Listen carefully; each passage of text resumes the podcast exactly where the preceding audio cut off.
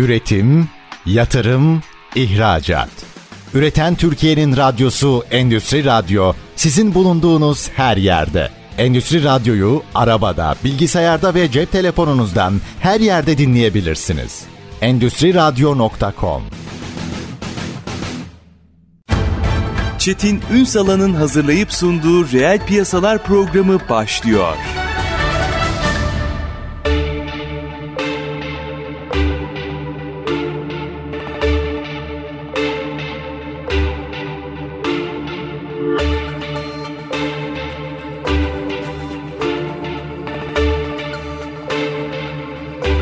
Reel piyasalardan merhabalar. Türkiye'nin gerçek gündeminde birlikteyiz. Efendim bugün yatırımcı profilini biraz mercek altına alacağız ve yatırımcı okur yazarlığını konuşacağız. Aslında finansal okur yazarlık hepsinin temelinde. Açacağız. Çok konuşacağımız konular var. Finans belki bugünün en değerli ürünlerinden biri. Ama değerini biliyor muyuz yoksa sadece finansa erişmeye mi çalışıyoruz? Tüm bunları konuşacağız. İşin uzmanı bizlerle birlikte Finansal Okuryazarlık Derneği Yönetim Kurulu üyesi Doktor İlknur Üner. Bugün reel piyasaların konu. Sayın Üner hoş geldiniz efendim. Hoş bulduk Çetin Beyciğim. Tüm dinleyicilerimize de keyifli bir sabah diliyorum. Var olunuz çok çok teşekkür ediyorum. Şimdi para konuşacağız. Nasıl keyifli olmasın herkesin keyifli. Şimdi dediğim gibi herkes bir şekilde finansa ulaşmaya çalışıyor. Bütün konsantrasyon burada. Kimseye de haksızlık yapmak istemiyorum. Yani evet hele ki bugünlerde çok zor. Ama mesela şu soru yok. Paraya ulaştınız. Sonra hadi biraz burayı konuşalım mı? Sonrasında ne oluyor? Aslında temelinden başlayacak olursak bizim finansal okuryazarlık dediğimiz şey iki temeli iki noktaya dayanıyor. Bir finansal bilgiler konusunda yeterli beceriye sahip olma, iki davranışa dönüştürme. Biz şimdi finansa erişim dediğimiz noktada davranış kısmı geliyor. Dolayısıyla aslında biz temel bilgilere sahip olup ona uygun davranışları geliştirdiğimiz takdirde ulaştığımız finansı da doğru yerlere aktarabiliriz. Türkiye'de aslında kaynakların değerlendirme konusunda bu finansal davranışlar konusunda ciddi sıkıntılarımız var. Çünkü biz aslında baktığınızda dünyanın bir parçasıyız. Dünyaya entegre bir şeyimiz var, yapımız var ve dünyada da bir tüketim üstüne bir davranış modeli gelişti. Türkiye'de de bu konuda ciddi anlamda bir davranış biçimi gelişti. Kalıpları oluştu. Evet farkındaysanız televizyon açtığınızda tek tip yaşamlar gösteriliyor. İşte son derece lüks evlerde yaşamlar. Herkes holding Ondan sahibi sonra falan. evet herkes holding sahibi çalışmadan yaşıyorlar. Lüks arabalara biniyorlar. Dolayısıyla insanlar da bir kaynak buldukları zaman bu borç olur, kredi olur veya başka bir yolla elde edilmiş kaynak olur. Hemen böyle bir yaşam modeline geçmeye çalışıyor. Dolayısıyla bizim önemli olan temel bilgiyi aldıktan sonra bunu davranışlarda da bilinçli bir şekilde hareket ediyor olmamız. İtalya'ya gittiğinizde 1970'lerden kalma arabaları görüyorsunuz. İngiltere'ye gittiğinizde neredeyse evlerde yeni e, çamaşır makinesi, bulaşık makinesi bulamıyorsunuz. İnsanlar eskiyi e, kullanmayı tercih ediyorlar. Türkiye veya Fransa'ya baktığınızda Fransa'da ciddi Facebook üstünden e, dayanışma grupları var. Mesela çocuğu olan anneler kendi e, çocuklarının kıyafetlerini veya işte bebek arabalarını başkasına bağışlıyorlar. Bir dayanışma modeli var. E, bizde öyle değil. Biz e, biraz eskidiği zaman onu kullanmayı e, hor göre, görür hale Ya geldik. biz yani na- nasıl şey olduk böyle? Biz yama yapan bir toplumduk. Nasıl buralara geldik? e, bu aslında zamanla e, yaşandı. Bu davranış şekli, yaşam modeli bize ufak ufak ufak ufak dizilerle, şeylerle bütün bunlar bize aslında ufak ufak empoze edildi. Farkındaysanız şu an bile şeyi açtığınızda, televizyonlar açtığınızda kitap okuyan tek bir tane karakter göremezsiniz. Daha enteresan söyleyeyim mi? Ben bu kadar dizi içerisinde bu kağıtlar oluyor falan ya mesela bu trafik kazası oluyor. Ambulans çağrına hiç rastlamadım. Çok basit gibi gözüküyor ama Doğru. herkes arabayı atıp götürüyor mesela. Doğru. E şimdi bu, bu böyleyse para kullanımında da farklı bir görüntü çıkmıyor ki ortaya. Ee, aslında aynen öyle. Yani baktığınızda insanları e, aslında dünyada da insanlar kolay bir yaşam istiyorlar.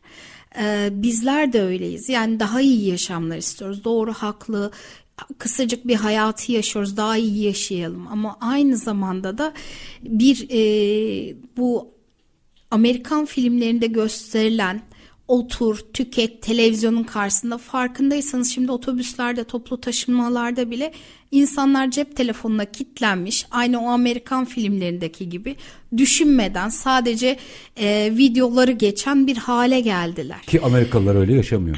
Artık Amerikalılar yaşam modelini değiştirdiler. O e, hor görülen yaşam modelini biz e, maalesef ki aldık okumak, sorgulamak, düşünmek veya finansal kaynakları doğru kullanma yolunda gayret göstermek birazcık bize şey oldu. Nereye giderseniz gidin ekonomiyle ilgili olduğunuzu söylediğinizde size şu soru soruluyor. Dolar borsada borsada hangi tiyo var mı? Ondan sonra dolar mı alayım, altın mı alayım, ne alayım? Bu kolay para kazanma mantığı maalesef ki bizim hazırcı bir toplum haline getirdi. Aslında bu biraz da şeyden kaynaklanıyor. Biz önceden tarımda kendimiz üreten bir toplumduk veya fabrika kurup kendimiz üretme yolunda gayret gösteriyorduk ama bakıyorsunuz şimdi ne yaptık? Yüzümüzü şeye döndük. Orta Doğu'ya döndük.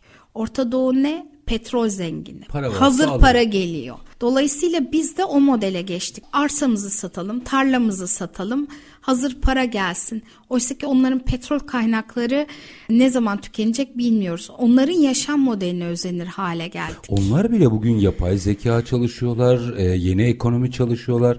Yani bizim biraz Şimdi o kadar güzel bir yerden girdiniz ki daha parayı kullanmaya, paraya ulaşmadan önce bizim mantaliteyi bir tekrar eskiye döndürmemiz gerekiyor anladığım kadarıyla. Yani üretime döndürmemiz gerekiyor. Kendimize gelmemiz gerekiyor. Böyle bir yaşam şekli olmaz. Yani sürekli sosyal yardımlarla beslenen, ondan sonra evde oturayım ama para bana bir şekilde gelsin. Video çekeyim, paylaşayım, insanlar bana bağış yapsın ev genci dediğimiz gençler var mesela. Evet. Ya da giriyorlar işe 6 ay çalışıyorlar. Bir telefon almak istediklerini aldıktan sonra çıkıyorlar. Böyle bir şey sürdürülebilir değil. Yani ciddi anlamda bizim kendimize gelmemiz lazım. Güzel bir insan kaynağımız var. Bizim genç nüfusumuz ağırlıklı e, ve açıkçası biz bu genç nüfusu doğru yerlerde kullanıyor olmamız lazım. Pırıl pırıl gençlerimiz var. Onları niye kaybediyoruz? Niye biz onlara fırsat yaratmıyoruz? Girişimci gençler var. O kadar güzel e, fikirleri var ama finansa erişimde sıkıntı yaşıyorlar. Kredi kullandıklarında direkt borçlu başlıyorlar iş modelini geliştirmeye. Durun Bak... orada bir şey söylediniz şimdi onu açalım. evet. Şu kredi bu bir yerden yatırım da almak olabilir, kredi olabilir, teşvik olabilir. Şimdi bir şeyi borç yapmakla finans yapmak arasında bir fark var. Onu ha. biraz çünkü ne yaptığınızla alakalı o. Bir para geldi. O borç mu finans mı? Bunu biraz konuşalım mı? Konuşalım. Aslında bizim şöyle bir yapımız vardı. Önceden kapalı bir ekonomi olarak bizim bulduğumuz tek finansal kaynak bankadan borç almaktı. Hı hı. Oysa ki biz işletmelerin bilançolarına baktığımızda bir tarafta kaynaklar vardır, bir tarafta varlıklar vardır. Kaynaklar buluruz ve onları varlıklarda değerlendiririz. Örneğin gideriz işte araba alırız, fabrika binası alırız. Bizim bu kaynaklarımız nereden gelir? Kısa vadeli borç, uzun vadeli borç ve öz sermaye olarak gelir. Dolayısıyla bilançonun bu kaynaklar kısmında yer alan kısımdaki kaynaklarımız bizim aslında finansal kaynaklarımız oluyor. Eğer patron sermaye koyarsa bu öz sermayesi ama krediydi, ya da özel sektör tahvili gibi sermaye piyasası araçları çıkarttığımızda bunlar ise bizim kısa vadeli veya uzun vadeli kaynağımız haline geliyor. Dolayısıyla bir finansmanımız haline geliyor. Bizim ama bu zamana kadar hala firmaların tek bakış açısı ben kaynak yaratmak için gidip kredi almalıyım. Oysa ki öyle değil. Sermaye piyasalarından yararlanabiliriz. Halka arz yapabiliriz örneğin. Eğer olgunluğa erişmiş bir şirketsek. Son dönemde çok konuşuluyor bu. Evet olgunluğa erişmiş bir şirketse ciddi anlamda bu şirketi e, bir basamak öteye taşıyan bir şey. Çünkü bu bir şey de kazandırıyor aynı zamanda itibar da kazandırıyor. Hı hı. Ama patron şirketleri biraz buna mesafeli davranabiliyor. Çünkü raporlamaydı işte onun da getirdiği bir takım yükümlülükler var. Ama onun haricinde özel sektör tahvili ihraç edebiliriz. Onun belli şartları var, belli gereklilikleri var. Onu yerine getirdiğimiz takdirde Bunda da ne yapıyoruz? Kredi aldığımızda aslında bir faiz yükünün altına girmiş oluyoruz. Özel sektör tahvilinde de yine bir faiz söz konusu ama orada daha makul, daha ödenebilir veya kendimizin planladığı da bir borçlanma söz konusu. Bir de açıldıkça, şeffaflaştıkça aslında bankalar nezdinde de kredi puanınız yükseliyor. Aynen öyle. Daha itibarlı hale geliyorsunuz. Ama bütün bunlar aslında bizim finansmana bir şekilde erişiyorsunuz. Ama önemli olan bunu nasıl kullanıyor olmanız. Can alıcı nokta burası. Evet. Mesela ben bu örneği çok şey yapıyorum. İsmini zikretmeyeyim Lütfen. ama Türkiye'nin en büyük sağlık sektöründeki hastanelerden bir tanesi. Çok şubeli, kendi alanında uzman ve en iyi doktorların olduğu, en iyi donanımın olduğu bir hastane grubu bundan 2020 yılında mesela özel sektör tahvillerini ödeyemedi. Neden? Çok büyük bir yatırım yapmıştı. O büyük yatırımı yapınca aslında finansal dengesini sağlayamadı. İşini iyi yapan bir grup, başarılı isim yapmış bir grup ama aynı zamanda finansal anlamda da zorluk Yani yaşıyor. finansa da ulaşmış. Aynen. E, derede boğulmuş yani aslında. Derede boğulmuş. Finansı Yani kendi alanında birinci sıradaki bir grup. Dolayısıyla hani tahvil çıkartmada da sıkıntı yaşamadı ama baktığınızda vadesi geldiğinde ödeyemedi. Burada da bize şey konusu geliyor. Yani finansa eriştiğinizde bunu nerede değerlendireceksiniz? Çünkü bizde şöyle hatalar var. Şunu yapıyoruz. İşte benim bir iş fikrim var. Çay fabrikası kuracağım. Ondan sonra elimde de bir milyon lira var. Bunu şey yapacağım ama çay hasadı senede iki defa üç defa yapılıyor. Ben önceden köylülere ödeme yapmam lazım. O sene hasat az olacak çok olacak. Bütün bunlar aslında bir proje finansmanını gerektiriyor. Yani bir projeye başlamadan önce bir iş modeline başlamadan önce biz onun nakit akımlarını göz önüne almamız Yani o gerekiyor. 1 milyonun dışında proje finansmanını konuşması gerekiyor doğru mu? O bir Çünkü gidip milyonu- fabrika yapıyorsunuz sonra dağıtacak para yok. Evet aynen öyle aynen bizim yaşadığımız girişimcilerin yaşadığı en büyük sıkıntı bu 2017 yılında yapılan bir araştırmada Türkiye'de yeni kurulan girişimlerin %20'sinin ilk seneye gidemeden kapandıklarını görüyoruz bakın çok ciddi bir oran beşte biri koşuda tökezleyip yarıştan çıkıyor Nedenler aynı mı? Nedenler finansal kaynaklar konusunda yaşanılan sıkıntılar. Aslında dünya büyüdü. Finansal kaynağa erişme konusunda daha fazla alternatif var. Melek yatırımcılar var. İşte e, kitle var. fonlamaları var. Ondan sonra ve siz bir girişimciyseniz artık size yatırımcılar kendileri gelip ortak olmaya çalışıyor. Bu çok ciddi bir adım aslında. Orada bir şey konuşmak gerekmiyor? Belki müteşebbisler açısından da bu mesele önemli. Biz borç para arıyoruz. Bizim proje üretip Doğru. kaynakların dikkatini çekmemiz gerekmiyor mu?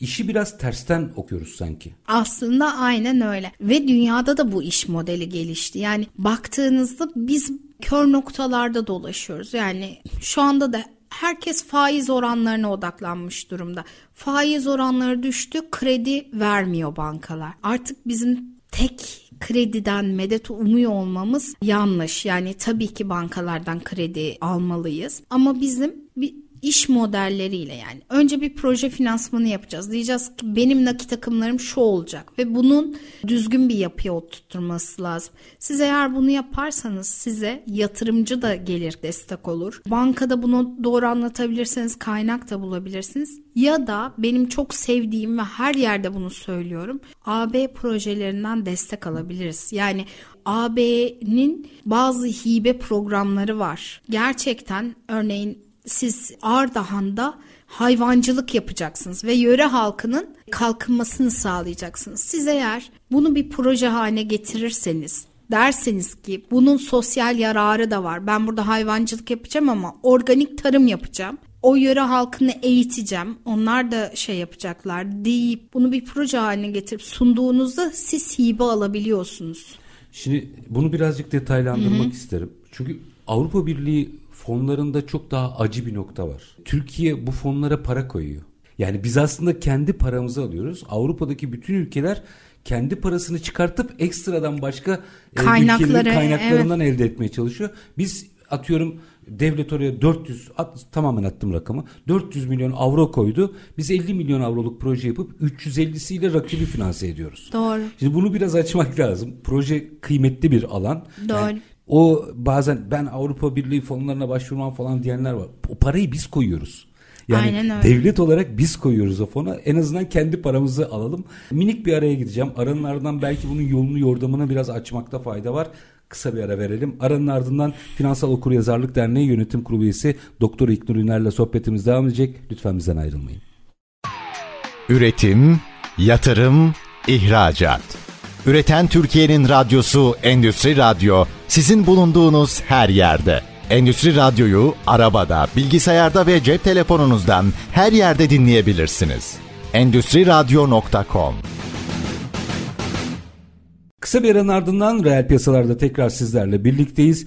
Konuğumuz Finansal Okuryazarlık Derneği Yönetim Kurulu üyesi Doktor İknur Üner. Yatırımcı profilini ve yatırımcı okuryazarlığını konuşuyoruz. Şimdi araya giderken özellikle mesela Avrupa Birliği fonlarına atıfta bulundunuz. Evet tek adresimiz krediymiş gibi gözüküyor. Hatta son dönemde ben de haberlerde paylaşıyorum. Başkanlar üyelerinin de talebiyle ısrarla bu finansmana ulaşımla ilgili zorlukları dile getiriyorlar. Tamam. Ama bir de madalyonun tersinden bakalım. Bankasınız ve Çetin size Çetin AŞ, Çetin Limited neyse geliyor ve kredi istiyor.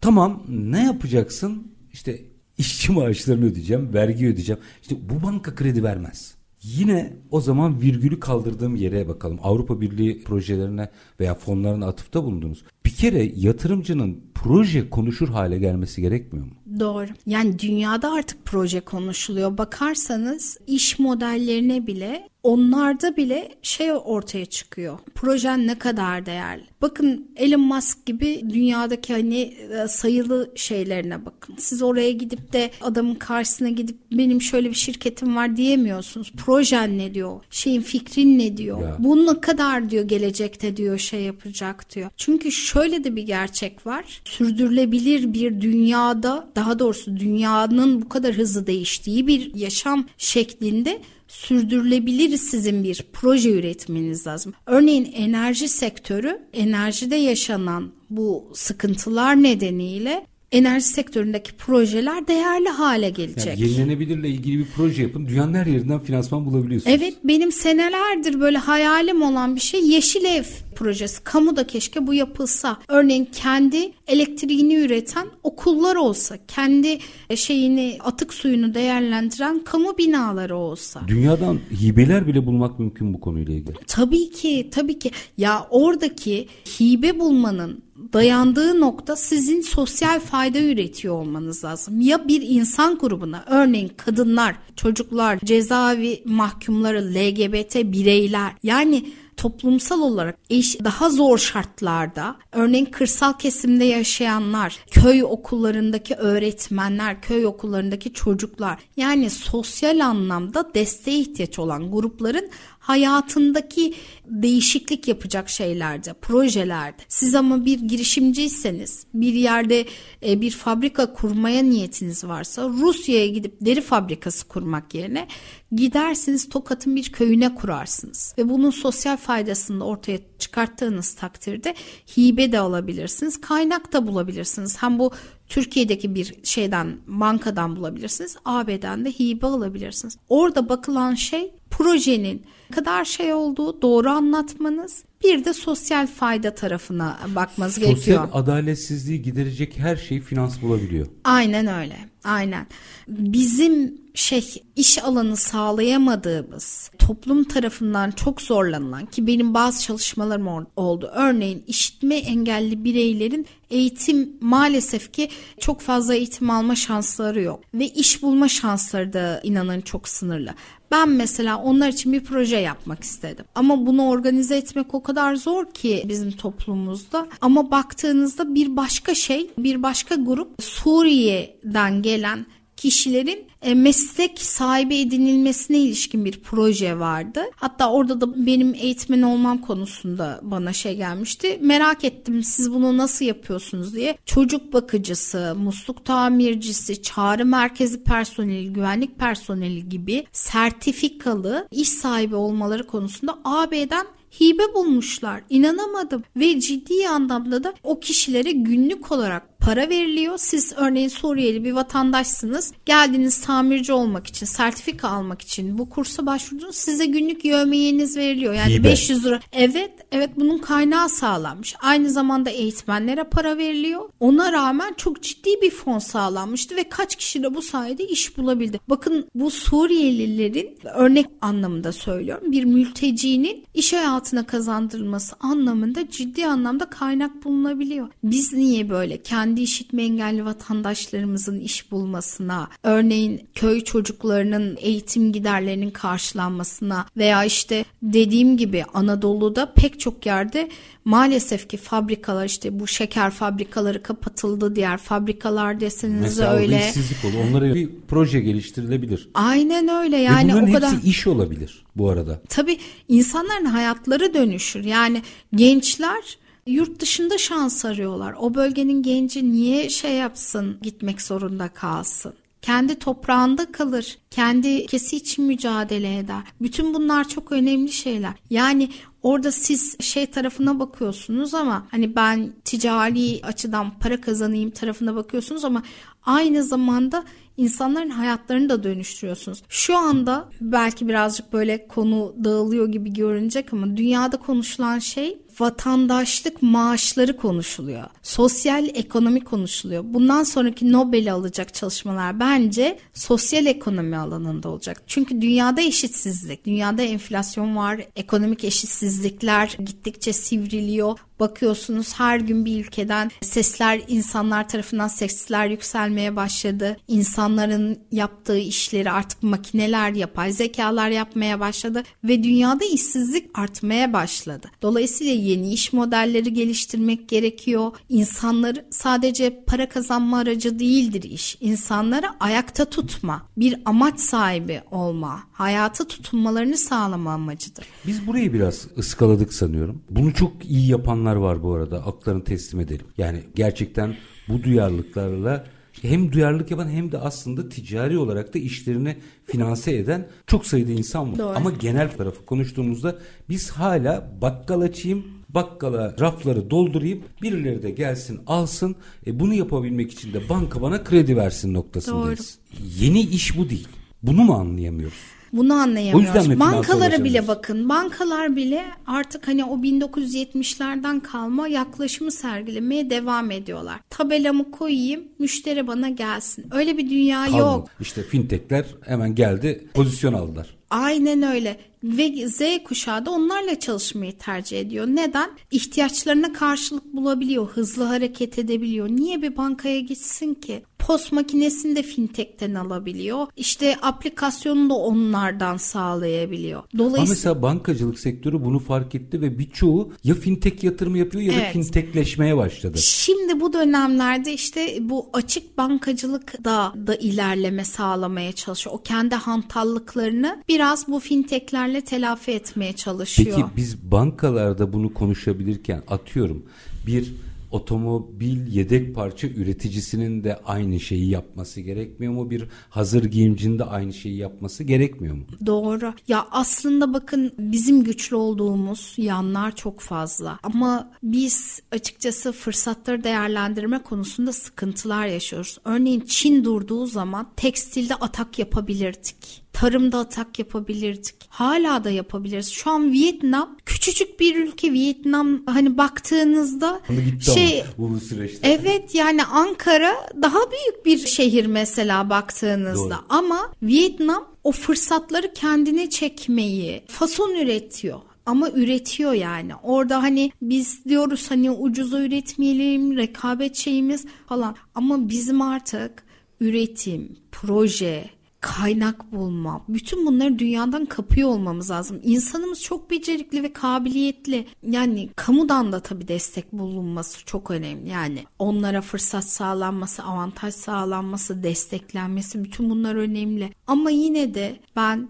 Türk insanının bu becerisine, bu şeyine inanıyorum. Yapabiliriz bunu. Birlikte başarabiliriz. Bunda hemfikirim ama şurayı biraz açmamız lazım. Yardım edin Mehmet Ali Bey'e döndü iş. Kamuya da baksanız, bankalara da baksanız yaklaşıma yardım edin Mehmet Ali Bey. Evet. Şimdi öyle değil yani. Şimdi ben şöyle bir şey yapıyorum. Bakın buradan da bu finansman kendi kendini döndürecek şöyle de bir fayda sağlıyor gibi sözlere geçmemiz gerekiyor. Hala borç para peşinde koşuyoruz. Maalesef. Bunu ne yapacağız? Evet evet. Bu işte iş modelini değiştirmemiz gerekiyor. Yani gerçekten bu kısır döngüden kurtulmamız gerekiyor. Kendi finansal kaynaklarımızı yaratmamız gerekiyor. Pek çok şey var mesela faktöringinden tutun. Bütün bunlar aslında şey gidip işte siz bir makineyi para verip almak yerine şey yapabilirsiniz. Onu kiralama yoluyla, finansal kiralama yoluyla da elde edebilirsiniz. Ama biz bu yeni iş modelleri, yeni finansman modelleri konusunda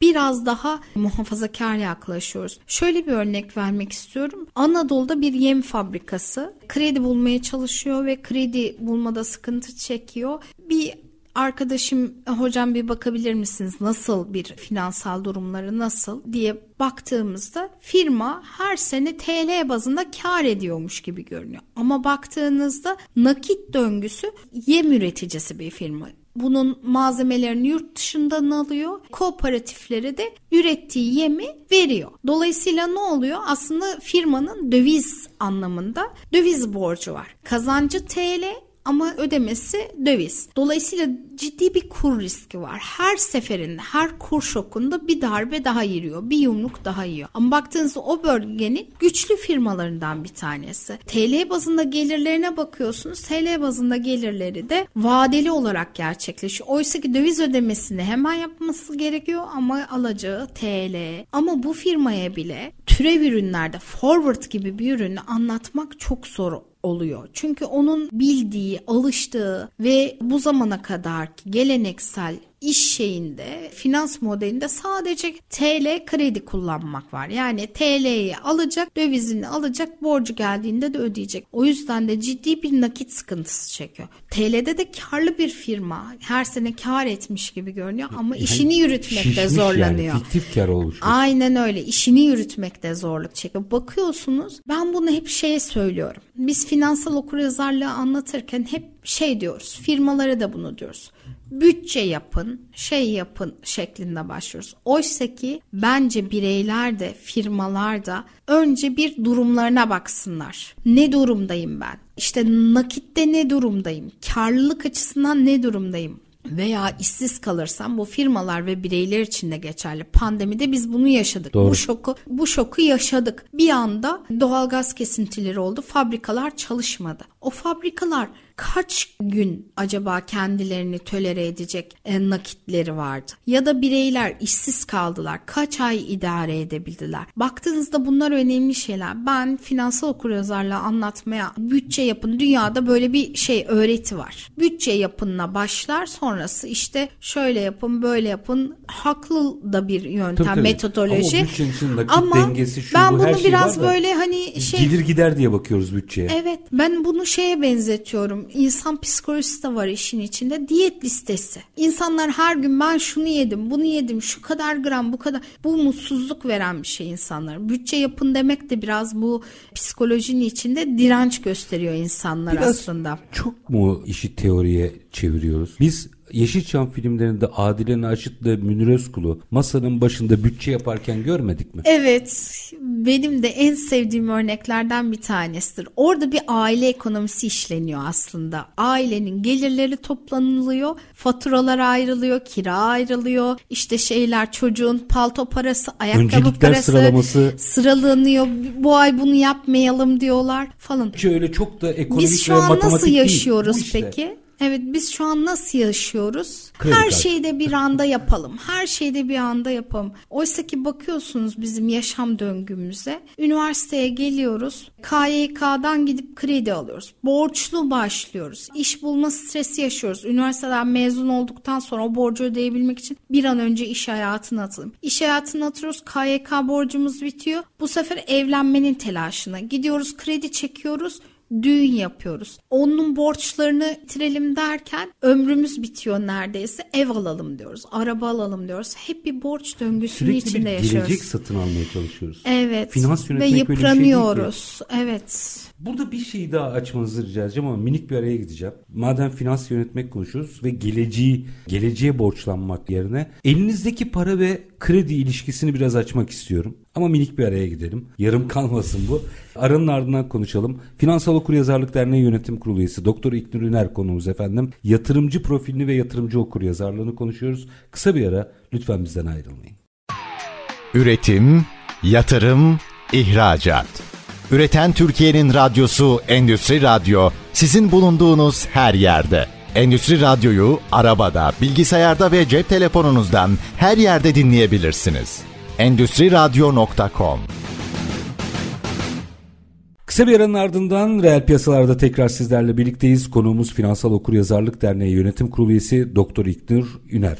Şimdi Sayın Üner araya gitmeden önce bir şey söylediniz oradan bir açılım yapmamız gerekiyor. Sürekli geleceğe dair borçlanan bireyler ya da firmalar oldu. Güzel. Şimdi bunu bunun üzerinden bir finans okuryazarlığı yapalım.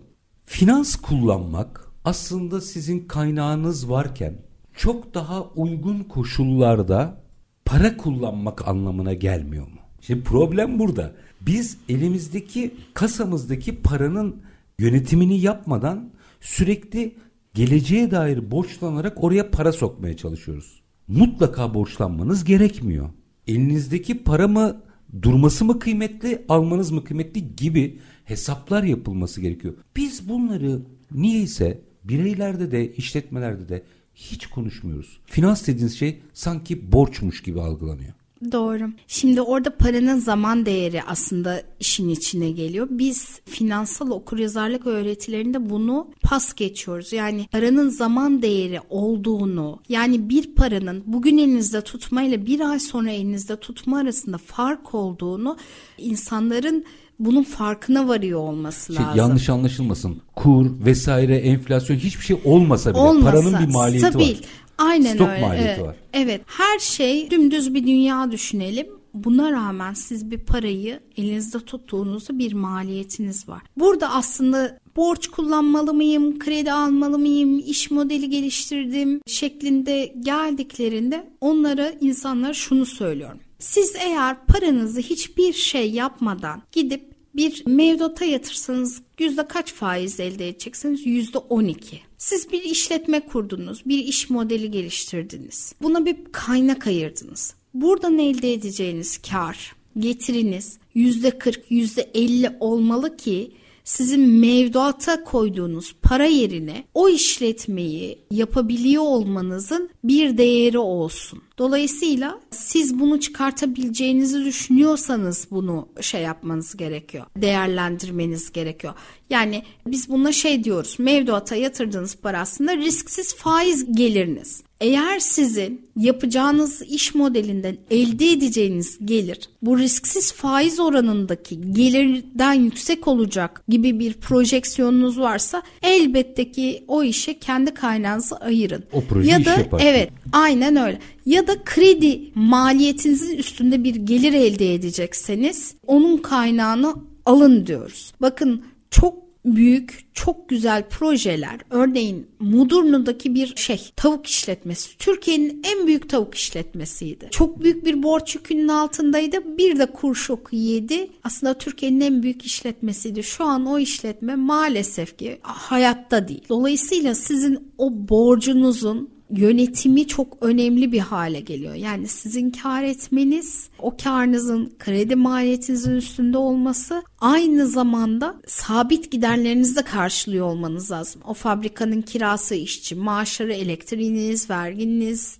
doğalgazınız bütün onları çıkartıyor olmanız lazım. Bütün bunları hesap etmek gerekiyor. Biz buna proje finansmanı diyoruz aslında. Yola çıkmadan siz oturun sabit giderleriniz ne? Başta siz bunun ne yapacaksınız? Değişken giderleriniz ne? O değişken giderler örneğin elektriğiniz, suyunuz, üretiminiz oldukça yapacağınız giderler ya da taşıma giderleriniz. Bütün bunun şeyini biz ama Türk insanı olarak ne yapıyoruz? Kervan yolda düzülür. Biz bir başlayalım gerisi gelir. Sonra tıkanıyoruz. En iyi iş modelleri bile 6 ay sonra sıkıntı yaşanıyor. Neden? Kredi bir borç olduğu için ödemekte zorlanır hale geliyoruz. Çünkü hayat öyle bizim planladığımız gibi dümdüz değil. Bakın pandemi geldi. En büyük firmalar bile bir anda nakit e, sıkıntısına girdiler. Evet neredeyse şey yapacaklardı. Yani devletin kapısına gittiler. Böyle zordayız. İşte devlet bize yardım edin etsin noktasına geldi. Dolayısıyla sizin kendi şeyinizi yaparken finansmanınızı doğru planlıyor olmanız lazım. Finansal kaynaklarınızı doğru doğru zemine oturtturmanız gerekiyor. Eğer bunu yaparsanız siz melek yatırımcı da bulursunuz. Sosyal faydası varsa hibe de bulursunuz. Ondan sonra girişim sermayesi fonları var. Bu girişim sermayesi fonları sermaye piyasası ürünlerinden bir tanesi. Büyümekte olan şirketlere ortak oluyorlar. O fonlardan da yararlanabilirsiniz. Artık dünya büyüdü tek tip borç al, yatırım yap şeyinden çıktık. Şimdi artık rekabet de çok yüksek. Dolayısıyla sizin pastadan alacağınız paylar daraldı. Bu payları alırken de siz aslanlarla birlikte yarışıyorsunuz. Doğru. Elon Musk gibi adamlarla yarışıyorsunuz. Adam bir anda bir kararıyla koskoca bir dünya devini satın alabiliyor. Dolayısıyla ya da kriptolar sizin, üzerinden finansal operasyon yapıyor vesaire. E, aynen öyle. Bir anda dünyanız değişebiliyor. Sizin bu anlamda artık o finansal okuryazarlık becerilerinizi geliştirmeniz ve kararlarınızı, finansal kararlarınızı, davranış modellerinizi ona göre şekillendirmeniz lazım. Çok akıllı kararlar verenler var. Bakın böyle olumsuz tablolar çizmeyelim. Özellikle genç arkadaşlar gerçekten de gidiyor kendine Japon ortak buluyor. İnanamadım geçenlerde öyle bir genç arkadaşla tanıştım. Takdir ettim yani gerçekten nasıl... Ama özelliği para arayan değil projesine ortak evet, arayan. Ortak arayan aynen onun yaptığı şey de oydu. Kendini doğru anlatabilmiş. Yani tanımıyorum Kendisi, da şimdi evet, oradan o yolu. Dolayısıyla şansını ve fırsatlarını değerlendirmeyi başarmış. Dünya büyük. Bakıyorsunuz Çinli bir şirket gidiyor Rize'deki çay fabrikasını satın alıyor. Geliyor buluyor adam. Neden? Ucuz. Ucuz olduğu için geliyor. Doğru mu? O tartışılır. Bakın yabancı şirketlere satmak şu bu tartışılır. Ama siz bir girişimciyseniz, bir iş insanıysanız bütün bu değişen dünyaya ayak uydurmanız lazım ve projeleriniz de ona göre.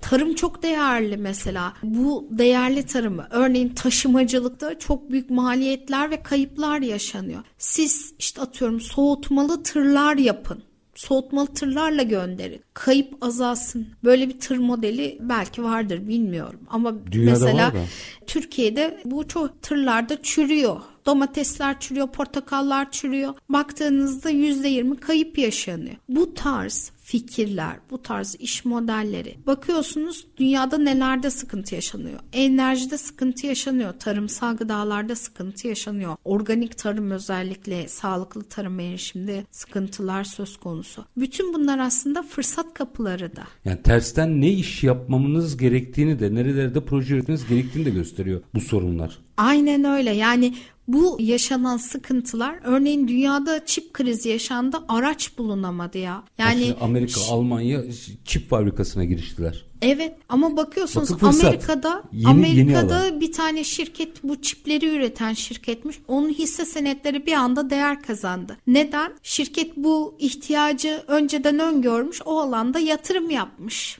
Bunlar önemli şeyler. Karbon ayak izi diyoruz, şey diyoruz, sürdürülebilirlik diyoruz. Bütün bunlar geleceği şekillendiren şeyler. Birazcık penceremizi açarsak bütün bu yaşanan sıkıntılar aynı zamanda bizim fırsat kapımız olabiliyor. Dünyada mesela yaşlı nüfus artıyor. Benim mesela şeyim önerilerimden bir tanesi şuydu. Pandemide bütün oteller kapatıldı, şey yapıldı ya. Yaşlı konuk evine dönüştürülsün. Evet. Bolu'da bütün o oteller bir yabancı turistin 6 ay boyunca geçirebileceği aynı zamanda sağlık sağlık yönünden de biz sektörü anlamında güçlüyüz. Hem sağlık ihtiyaçlarını hem şeylerin karşılayabilecekleri merkez haline getirilebilsin. Dünyada bir ilaç firması bu işe ciddi yatırım yapıyor. Hatta Türkiye'den de sıkışan otelleri ve tesisleri satın alıyor. Yaşlı konu noktalarına Aynen öyle. Getiriyor. Çünkü yaşam alanlarına. Gerçekten buna ihtiyaç var. Şeylerde öyle bir alan yok, imkan yok. Türkiye'de bu anlamda gerçekten fırsatlar var hem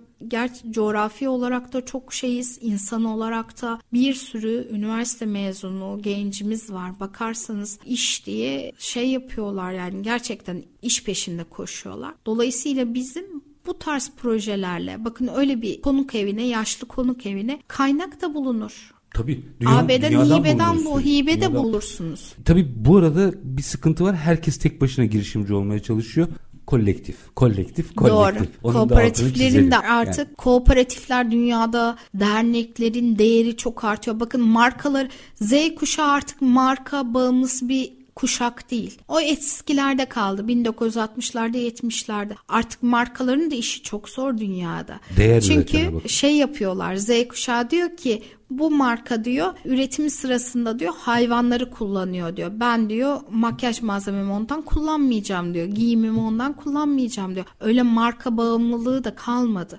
Dolayısıyla daha bilinçli e, şeyler var ve derneklerin değeri bu anlamda çok artıyor. Derneklerin de dünyada yükselen bir trendi var. Çünkü insanlar markalara güvenmiyor. Artık dernekler, sosyal fayda üreten, dünyada da böyle sosyal fayda üreten şeyler bir adım öne çıkıyor her zaman. Tabii finans da buraları takip ediyor doğal Doğru. olarak e, bu tip yapılanmalara veya projelere öncelik verdiği için yapısını değiştirmeyenlere para kalmıyor.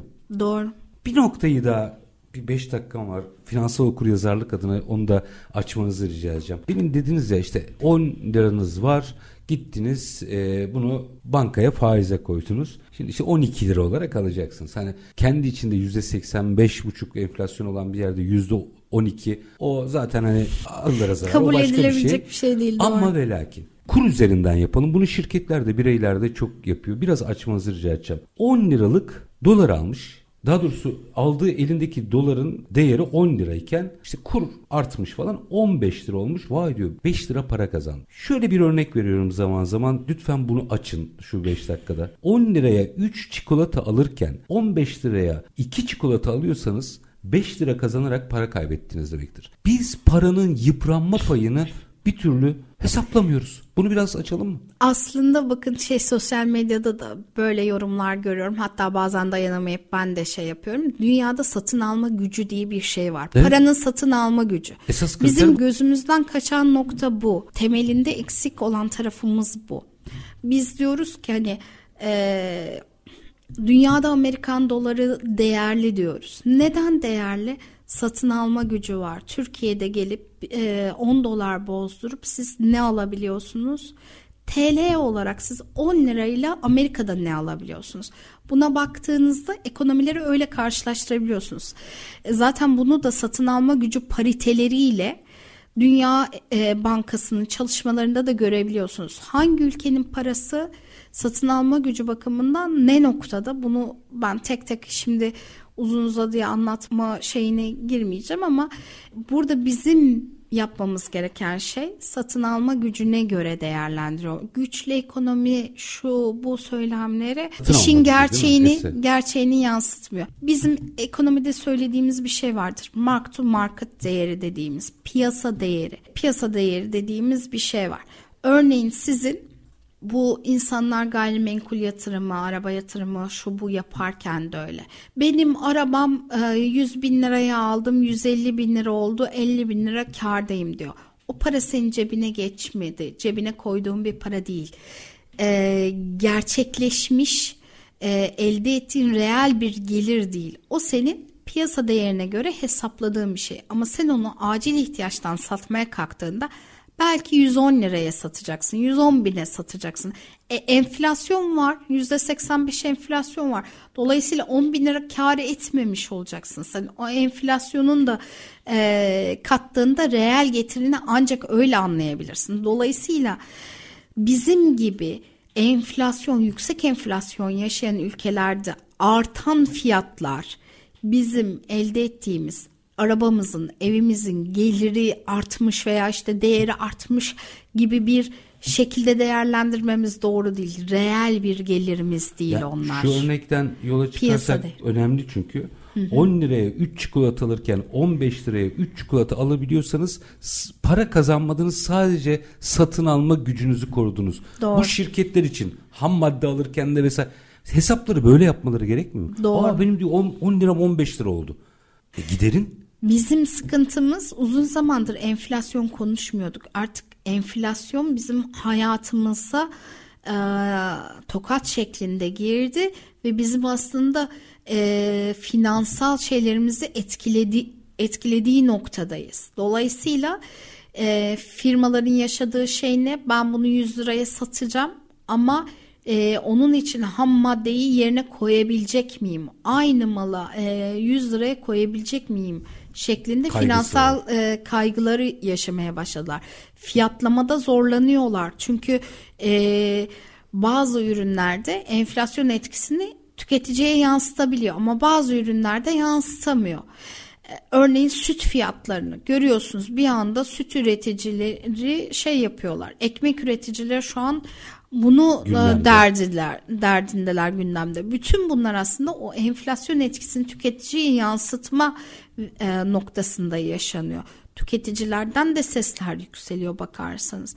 Dolayısıyla bütün bunlar hem fiyat yönünden hem maliyet yönünden üreticiler anlamında ciddi e, sıkıntılara neden olabiliyor. Finansal kararları da bu anlamda zorlanabiliyorlar. O zaman proje yapın, finansman bulacaksınız. Şirketin içine bakın, söylediklerinizi özetliyorum. Evet. Şirketlerin içine bakın, e, verimsizliklerden kaynaklanan finansman bulacaksınız. Maliyetlerin, yatırım alanlarına bakın, sorun yaşanan yerler fırsatları doğurur. Bu üçüncü noktaydı. Dördüncü noktada elinizdeki paranın satın alma gücünü ölçün. Ham madde alırken de, ekmek alırken de para kazanıp kazanmadığınızı o zaman anlarsınız diyorsunuz. Sayın Üner çok teşekkür ediyorum. Ben teşekkür ederim. Son bir şey daha Lütfen. söyleyeyim. Bir de işbirliklerine önem versinler. evet. Yani burada e, belki Çetin e, Ünsalan güçlü olmayabilir. İlknur Üner güçlü olmayabilir ama birlikte güçlü hale geliriz. Bizim maalesef iş dünyamızda biraz bireysellik, Bireysellik ön planda. Oysa ki birlikte olursak güçlüyüz. Duydunuz mu sesi? Atalarımız söylemiş. Bir elin nesi var, iki elin sesi var demişler. Bu meseleye böyle bakmak lazım. Finansal Okuryazarlık Derneği Yönetim Kurulu üyesi Doktor İlknur Ünder. Çok teşekkür ediyorum efendim. Ben teşekkür ederim. Hem olun. size keyifli bir yayın diliyorum hem de dinleyicilerimize de güzel bir gün, keyifli bir gün diliyorum. Var olunuz. Bizler de aynı temennilerle teşekkür ediyoruz efendim. Evet her zamanki gibi bitireceğiz. Bugün bakın finans konuştuk, para konuşmadık. Ne olur bir bütçe yapın. Adile Naşit'le Münir Özkul'u hatırlayın. Onlar şirket de yönetseniz, aile bütçesi de yönetseniz doğrusunu yapıyorlardı. Ee, hatırlayın bir daha seyredin hatta güzeldir Yeşilçam filmleri. Biz her zamanki gibi bitirelim. Şartlar ne olursa olsun paranızı ticarete, üretime yatırmaktan, işinizi layıkıyla yapmaktan ama en önemlisi vatandaş olup hakkınızı aramaktan vazgeçmeyin. Hoşçakalın efendim.